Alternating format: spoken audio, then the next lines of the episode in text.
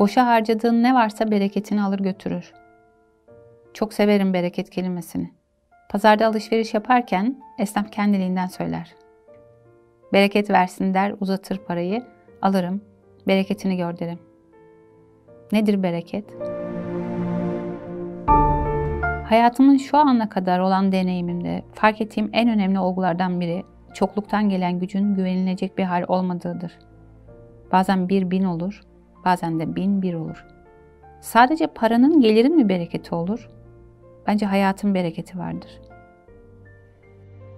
Aslında bizi besleyen her şeyin bereketin konusu olabilir.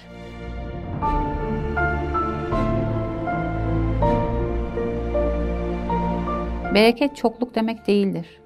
Olanın yeterli gelmesidir. Bir şeyin çok olması onun yeteceği veya azalmayacağı anlamına gelmez. Ne zenginler gördük, ne ünlüler, ne genç insanlar tanıdık, çokluklarını az ile değiştirdiler. Çoklukla yaratılmıyor zenginlik. Bereketlenirse artıyor. Zenginlik hayatın bize ağırlamasıdır. Biz bir şey sahip olamayız. Rahat ettiriliriz, hayatımız kolaylaştırılır, ikramlar alırız.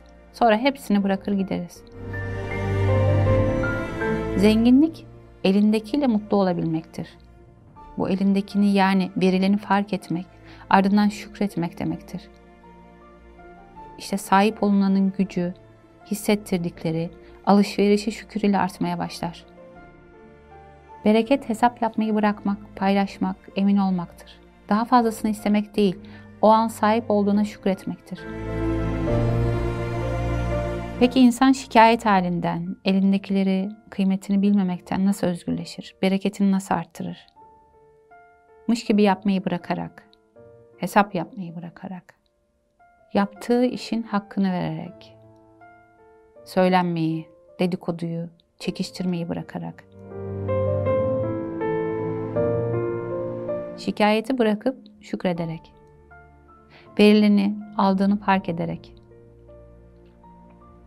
daha daha halinden şükürler olsun haline gelerek. Bereketimizi arttırmanın yolları var mıdır?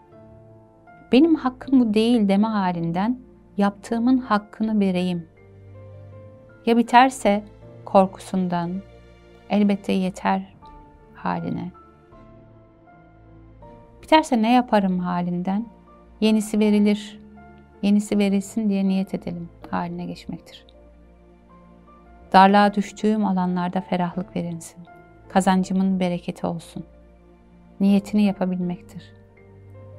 Eğer bir halde yokluk hissediyor isek, bir şeyin yetmeyeceğini düşünüyor isek, belki de talep etmeye, niyet etmeye, dua etmeye başlamalıyız.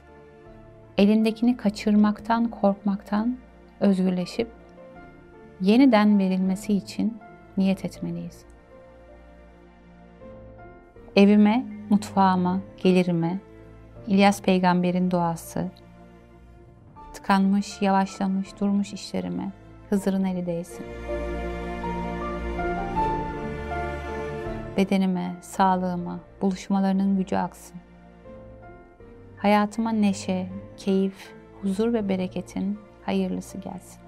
Biz talep ettikçe yaşam bizi destekler ve zenginleştirir bereketimizi arttırmanın, bizi huzura getireceğinin farkındalığıyla önce elimizdekinin şükründe olalım.